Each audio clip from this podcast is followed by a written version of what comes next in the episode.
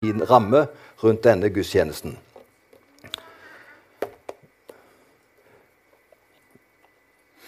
Når vi kommer tilbake etter sommeren, skal jeg fortelle litt om den turen jeg har vært på. Jeg skal ikke benytte anledning til det i dag, for jeg har kommet hjem på tirsdag etter å ha vært en uke i Uganda. Kampala. Og det var jo rart å bo på et hotell på Entebbe, flyplassen som var så lagde historie på 70-tallet. Da husker jeg det, når Israel sendte en, noe ned og tok sine folk som var gisler der, på en ja, måte som gjorde at det, det ble verdens begivenhet av det. Så det var, det var, rart å bo på en tebbe med den historien.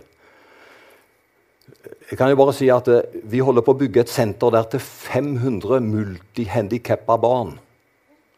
Å bare gjøre noe for barn, det gjør mange.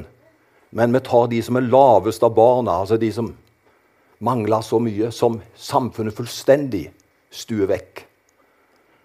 Til og med så tror de at det, eh, har du fått et så barn, så er du under forbannelse. Altså det, det, er sånne fordommer. Forferdelige ting. Og Derfor er jeg veldig stolt over at jeg er med i en virksomhet, styreleder i Tronsbevis og Dina-stiftelsen, og vi skal virkelig gjøre en forskjell for 500 barn. Og det er pga. de handikappa barna som gjør at foreldrene får bli med dem.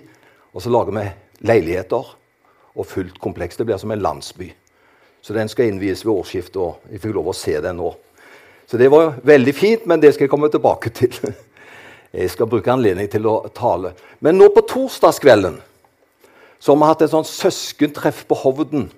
Søsken og svigersøsken. Så jeg var der et par dager nå.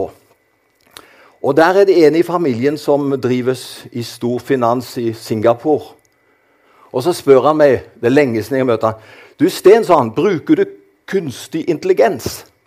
Nei, det gjør jeg ikke, sa jeg. Jeg har mer enn nok med å ta meg av den intelligensen jeg har. Ja, men det må du gjøre, sa han. Det er et fantastisk redskap. Ja, vis meg det, da, sa jeg. OK, for han hadde appen. Og så fortalte jeg til han at jeg skulle ha en bryllupstale fredag til uka. Ja, nå skal du få bryllupstalen, sa han. Så jeg sa den, til den appen da jeg skal tale bryllupstale over størst av alt er kjærligheten. Kan du gi meg en ti minutters tale ut ifra størst av alt er kjærligheten? Gjerne med et humorinnspill. Og så begynte han å skrive med en gang. Så fikk jeg det ut. Etter to minutter. Og jeg kan si det, jeg klarer ikke å holde en så god tale. Det er skremmende hvordan utviklingen er blitt. Men jeg kan jo fortelle en historie han ga meg humorhistorien, så sa han at det, Som jeg eh, skulle kunne bruke da hvis jeg tok dette her. Men det var en fantastisk, det tok ti minutter. Og, og skrev det ut, altså en ti tale, Og så sa han ja, jeg skal gi deg en humortale. Det var en bestefar som hadde barnebarnet på besøk. Og de hadde vært gift i 50 år, besteforeldrene. Og så spør guttungen du, bestefar, hvordan har dere klart å være gift i 50 år? Jo, lenge. Jo, det skal jeg si deg, gutten min, sa han. Nå skal du få høre hemmeligheten. Det som gjør at det har gått så godt Hun mor har alltid fått siste ord. Og én ting til, sa han. Jeg har i mange år hatt høreapparat. Da er du garantert 50 år, sier han til gutten sin. Men så sier den kunstig intelligens. For det skal jo være et poeng med det. Og vil dere som skal gifte dere i dag, ha et langt og godt ekteskap, så gi hverandre det siste ordet. Og bruk høreapparat, begge to. Var ikke den bra? Den fikk jeg rett ut. Og nå har dere altså fått hørt, og jeg skal ikke gi appen videre, for den skal jeg beholde. Det går an å få raske taler heretter, altså. Men eh, det var som søsteren min sa ja, men Den hellige ånd er ikke i det, sa hun. Men det er masse informasjon, og det er Microsoft som har I 30 år så har de samla på informasjoner for alle ting, og så har de samla det. Og så kan du bare få det ut i ett. Det er jo underlig. Og så må vi bare passe oss, for det er jo en, også en utvikling som kan gå galt av sted. For mennesket, våre tanker, må være der. Og nå bruker jeg resten av tiden min Ca. 17 minutter. Og Da skal jeg si litt noe som jeg brenner for. Det er nemlig evangeliet. Det er ingenting som er så fantastisk som evangeliet. At Jesus har kommet og gjort alt som skal til for at vi kan få være et Guds barn. Egentlig som er søndagens tekst i dag, for vanligvis taler jeg over søndagens tekst. Jeg har droppa den i dag. Men eh, For den er på en måte gammeltestamentlig. Men Jesus levde jo i en overgang ikke sant? fra den nye til gamle pakt. For der spør en hva skal jeg gjøre for å arve Guds rike? Du skjønner, Det er jo det som er feil. Du skal jo ikke gjøre noe for å arve Guds rike. ikke sant? Det er det som er evangeliet. Jesus har gjort alt. Men det var en sånn tanke hva skal vi gjøre? Og så sier han det. Jeg har holdt budene. Jeg har gitt tiende. Ikke sant? Jeg har gjort alle de tingene som skal være på stell. Og så sier Jesus til han, det er ikke nok. Jeg skal si Jesus satte lista høyt. Det er ikke nok, sånn. Og så sier han til han, gå og selg alt det du eier, og gi det til de fattige. Kom så og følg meg. Er dette evangeliet? Nei. Vet du hva som er evangeliet? Jesus har gjort alt. Men da ble denne rike unge mannen utfordra på noe som satte han fast. Og det ønsker evangeliet å gjøre noe med oss. Ingenting i vårt liv må sette oss fast. Hindre oss i det som er det viktigste av alt, nemlig å følge Jesus. For hvis vi skulle ta det bokstavelig, så må jo skal du følge Jesus, så må du selge alt du har. da. Men det er selvfølgelig ikke tilfellet, det. Men det er det at det, ingenting må hindre oss i det som er det viktigste av alt. Og det å følge Jesus. Det er det som er poenget. Og nå er jeg inne i Galaterbrevet, jeg. For det er det som er basisen for det som jeg vil tale om evangeliets fantastiske frihet. For det som skjedde Les gjerne Galaterbrevet i løpet av sommeren. Det er bare seks kapitler. Kan vi ikke bli enige om det? At vi har det som en sommerlektyre? Galaterbrevet seks kapitler på hele sommeren. ikke sant? Og da er jeg i kapittel 1. Det som skjedde der, det var at Paulus han planta den menigheten. Det var liksom en så, sånn sannhetsplanting. Han gikk inn i Galateren så planta han en menighet. Og mange kom til. Og han forkynte virkelig evangeliet, at Jesus hadde gjort alt. Det gjelder bare å ta imot det og tro på det. Og så måtte jo Paulus reise et annet sted. Han hadde jo mange oppgaver. Og da han reiste et annet sted, så kom det andre predikanter inn. Og det var skummelt. For det de predikantene som da kom inn, sier det at jo, det er rett det som Paulus sa, at det, det, det, det er Jesu død som er avgjørende. Men vet du hva de predikantene sa? I tillegg. Og vet du hva som er farlig i den kristne troen? Det er alle våre tillegg. De er livsfarlige. For da kommer vår smak inn. Da kommer vår kultur inn. Ikke sant? Da kommer våre meninger inn. Og det de sa, disse, de ble kalt for judaister. De kommer inn der og så sier jo det er greit det Paulus sa, at eh, vi må bygge på at Jesus døde for oss. Men så sier de det er ikke nok. I tillegg sier de, så må vi holde Moseloven. Og så må guttene og mennene la seg omskjære.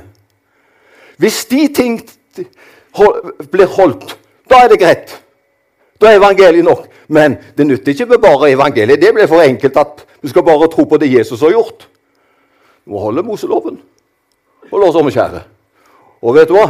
Paulus ble fæla gæren. Jeg har aldri sett Paulus så sinna noen gang. Vet du, Han sier til disse herren som kommer med den villfarelsen Han sier, 'Forbannet være dere', sa han. Og han er så gal fordi de prøver å gjøre evangeliet om til noe som vi må gjøre i tillegg. Og noe som vi må gå gjennom som ritualer for at vi skal være gode nok. Og han raser. Og så sier han det er bare én ting som betyr noe. Det er hva Jesus har gjort, og det er det som holder oss oppe. Og hvis andre forkynner dere et annet evangelium, om selv en engel skulle komme ned Ja, vi har lett for å tro på engler, vi. Vi har lett for å tro på profeter. Bare en profet kan si det. Det holder ikke. Vet du hva? Dette er så viktig at vi må gå til hva Jesus sier om disse tingene. For det er det Jesus sier, som er det sanne. Det er det som er evangeliet. Og så sier han det har bare med hva Jesus har gjort. De ville legge til noen tillegg. Har vi hatt noen kristne miljøer hvor vi har lagt til noen tillegg. I mitt miljø så la de til en god del tillegg. Vet du hva de sa når jeg var ung? Det er synd å ha langt hår. Og vet du hva de sa om damene? Det er synd å klippe seg. Og så sa de om damene at skal du synge musikken her, så må du ha hatt på huet. Og vet du hva de hadde i vår menighet? Vi hadde sånn hatteulle. Men den dama som var sist i køen, ble så ulykkelig. For hun hadde jo den styggeste hatten. Og når hun skulle synge om Jesus, så var hun mer opptatt av den stygge hatten hun hadde. Heldigvis så fant, fikk de vekk den hattehulla. Og du skjønner, vet du hva det er? Det er loviskhet. Det er sånn et tillegg til evangeliet.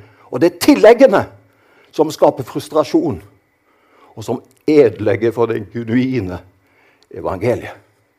Det kom en til meg på farga fra Skudenes til Stavanger. Det var da det gikk farga før veien som er nå. Det må jo en båt nå, men da var det skikkelig farge. Så kom en som het Johannes til meg.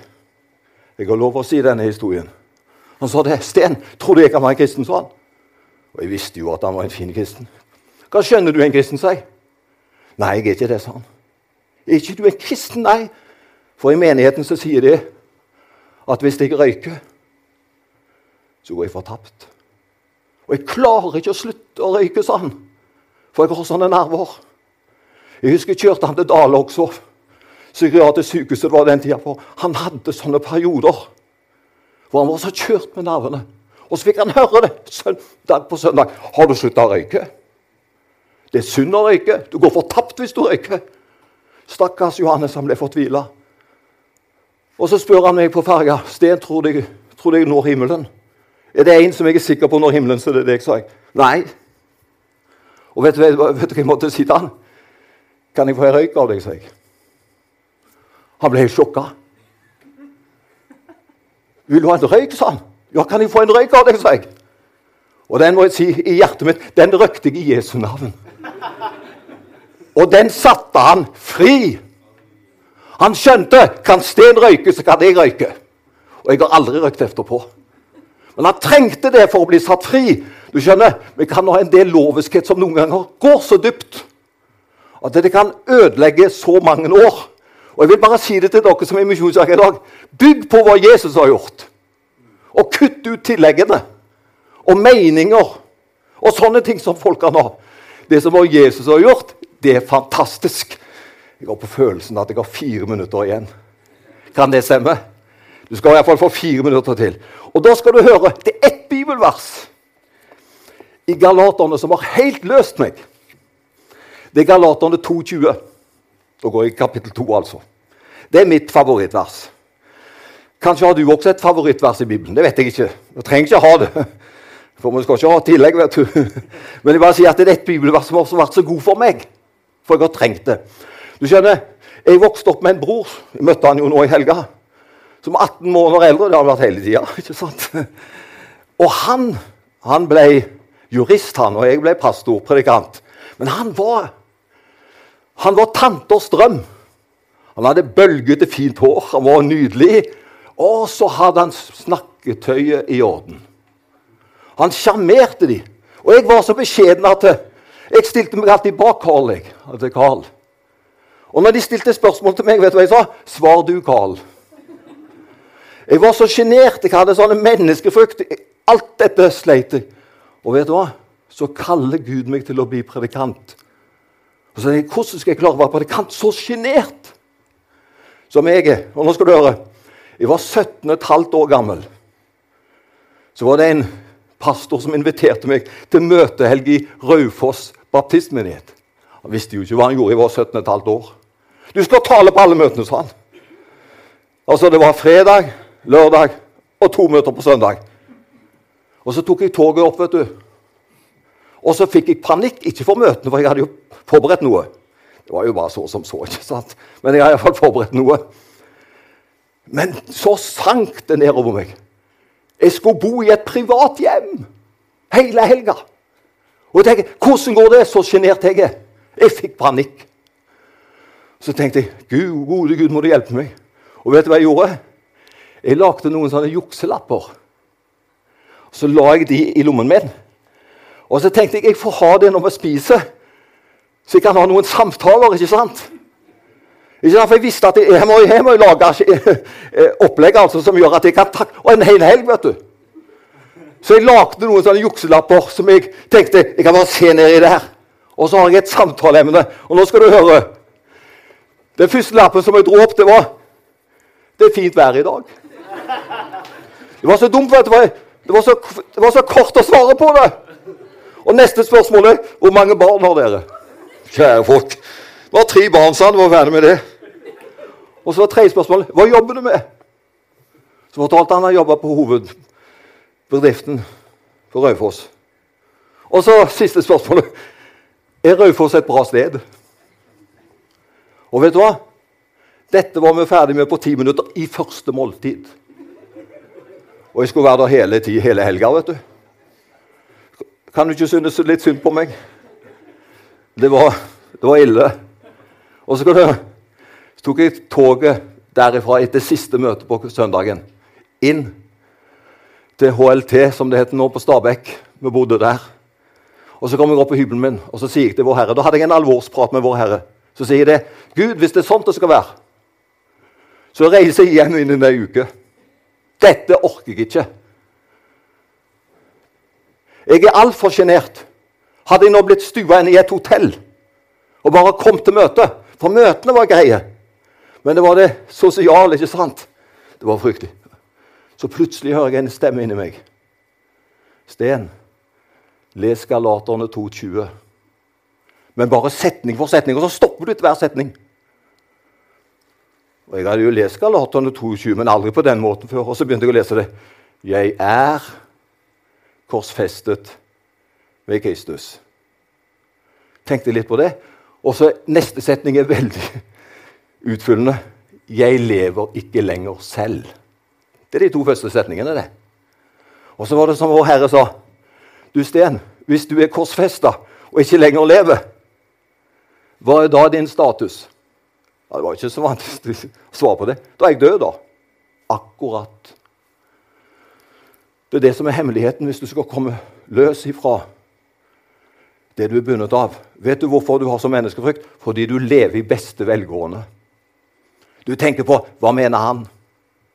Hvordan kan jeg si dette på best mulig måte? Og så er det mennesker som styrer deg.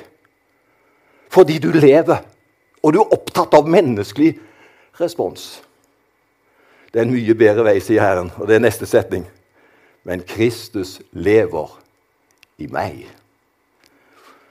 Og dette verset står ikke i framtid eller i fortid, det står i nåtid. Så hele tiden må jeg være korsfestet. Hele tiden må jeg ikke lenger leve sjøl. Og hele tiden må jeg la Kristus leve i meg. Og det liv jeg lever her på jorden, det lever jeg i troen på Ham som elsket meg og ga seg selv for meg. Så kan jeg ikke si vet du, at nå skjedde det et mirakel med Sten.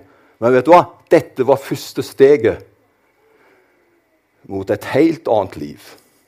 Og det er lenge siden jeg har gått forbi Brumund. Han er like frimodig nå han som han var da han var fem år, men jeg er blitt så mye mye mer frimodig. Så jeg sier, 'Karl, må du følge på her.' Og Er det at jeg er god? Nei, men jeg har fått sett det er en hemmelighet. Det er ikke å streve. Det er ikke å satse og prøve det du kan. Det er mange som river seg opp etter håret for å bli bedre. Det kan du holde på med til du dør, det. Men vi har fått en som vil være med oss. Kristus er vårt liv. Og hvis vi fokuserer på Han, da finnes det fantastiske muligheter. Altså, jeg har ikke med meg lister lenger nå hva jeg skal snakke om. Du er ikke sånn nå, sa han. Nei, men det kunne ha gått gale. Og Derfor vil jeg bare si la ordet bli en løsning for deg. Jeg går ofte til Bibelen når jeg er i situasjoner og så opplever å, der taler Jesus til meg, og så hjelper det meg. Og så skjer det noe veldig godt. Skal vi legge, legge bort tilleggene våre? Og så skal vi la Jesus få være livet vårt? Det er det som er evangeliet. Og da trenger vi ikke ta seg sammen, vi trenger ikke komme inn i en form. Vi får leve ut det Jesus har gjort for oss. Det er nok det som Jesus gjorde. Det gjelder i alle livets forhold. Halleluja. Du vet Noen sier halleluja, og vet du hva de sier i Misjonssambandet? Og du og du. Det er like bra, det. Det er like bra det som halleluja. Ikke sant? Si det som er naturlig, og la oss ikke presse tillegg på hverandre. Tenk vi kan få være våre sjøl. Vi kan få være et Guds barn. ikke det bra? Tenk om de andre hadde fått hørt at kommer du i misjonskirka eller andre steder, så blir du ikke møtt med fordommer. Og ting som vil trykke det, Da får du oppleve det genuine evangeliet, som vil løfte oss opp, som vil hjelpe oss i vår hverdag. Vi takker deg for det, Herre. Takk at evangeliet er sannhet gode nyheter. Hjelp oss, Herre, at eh, vi blir enda mer evangeliske.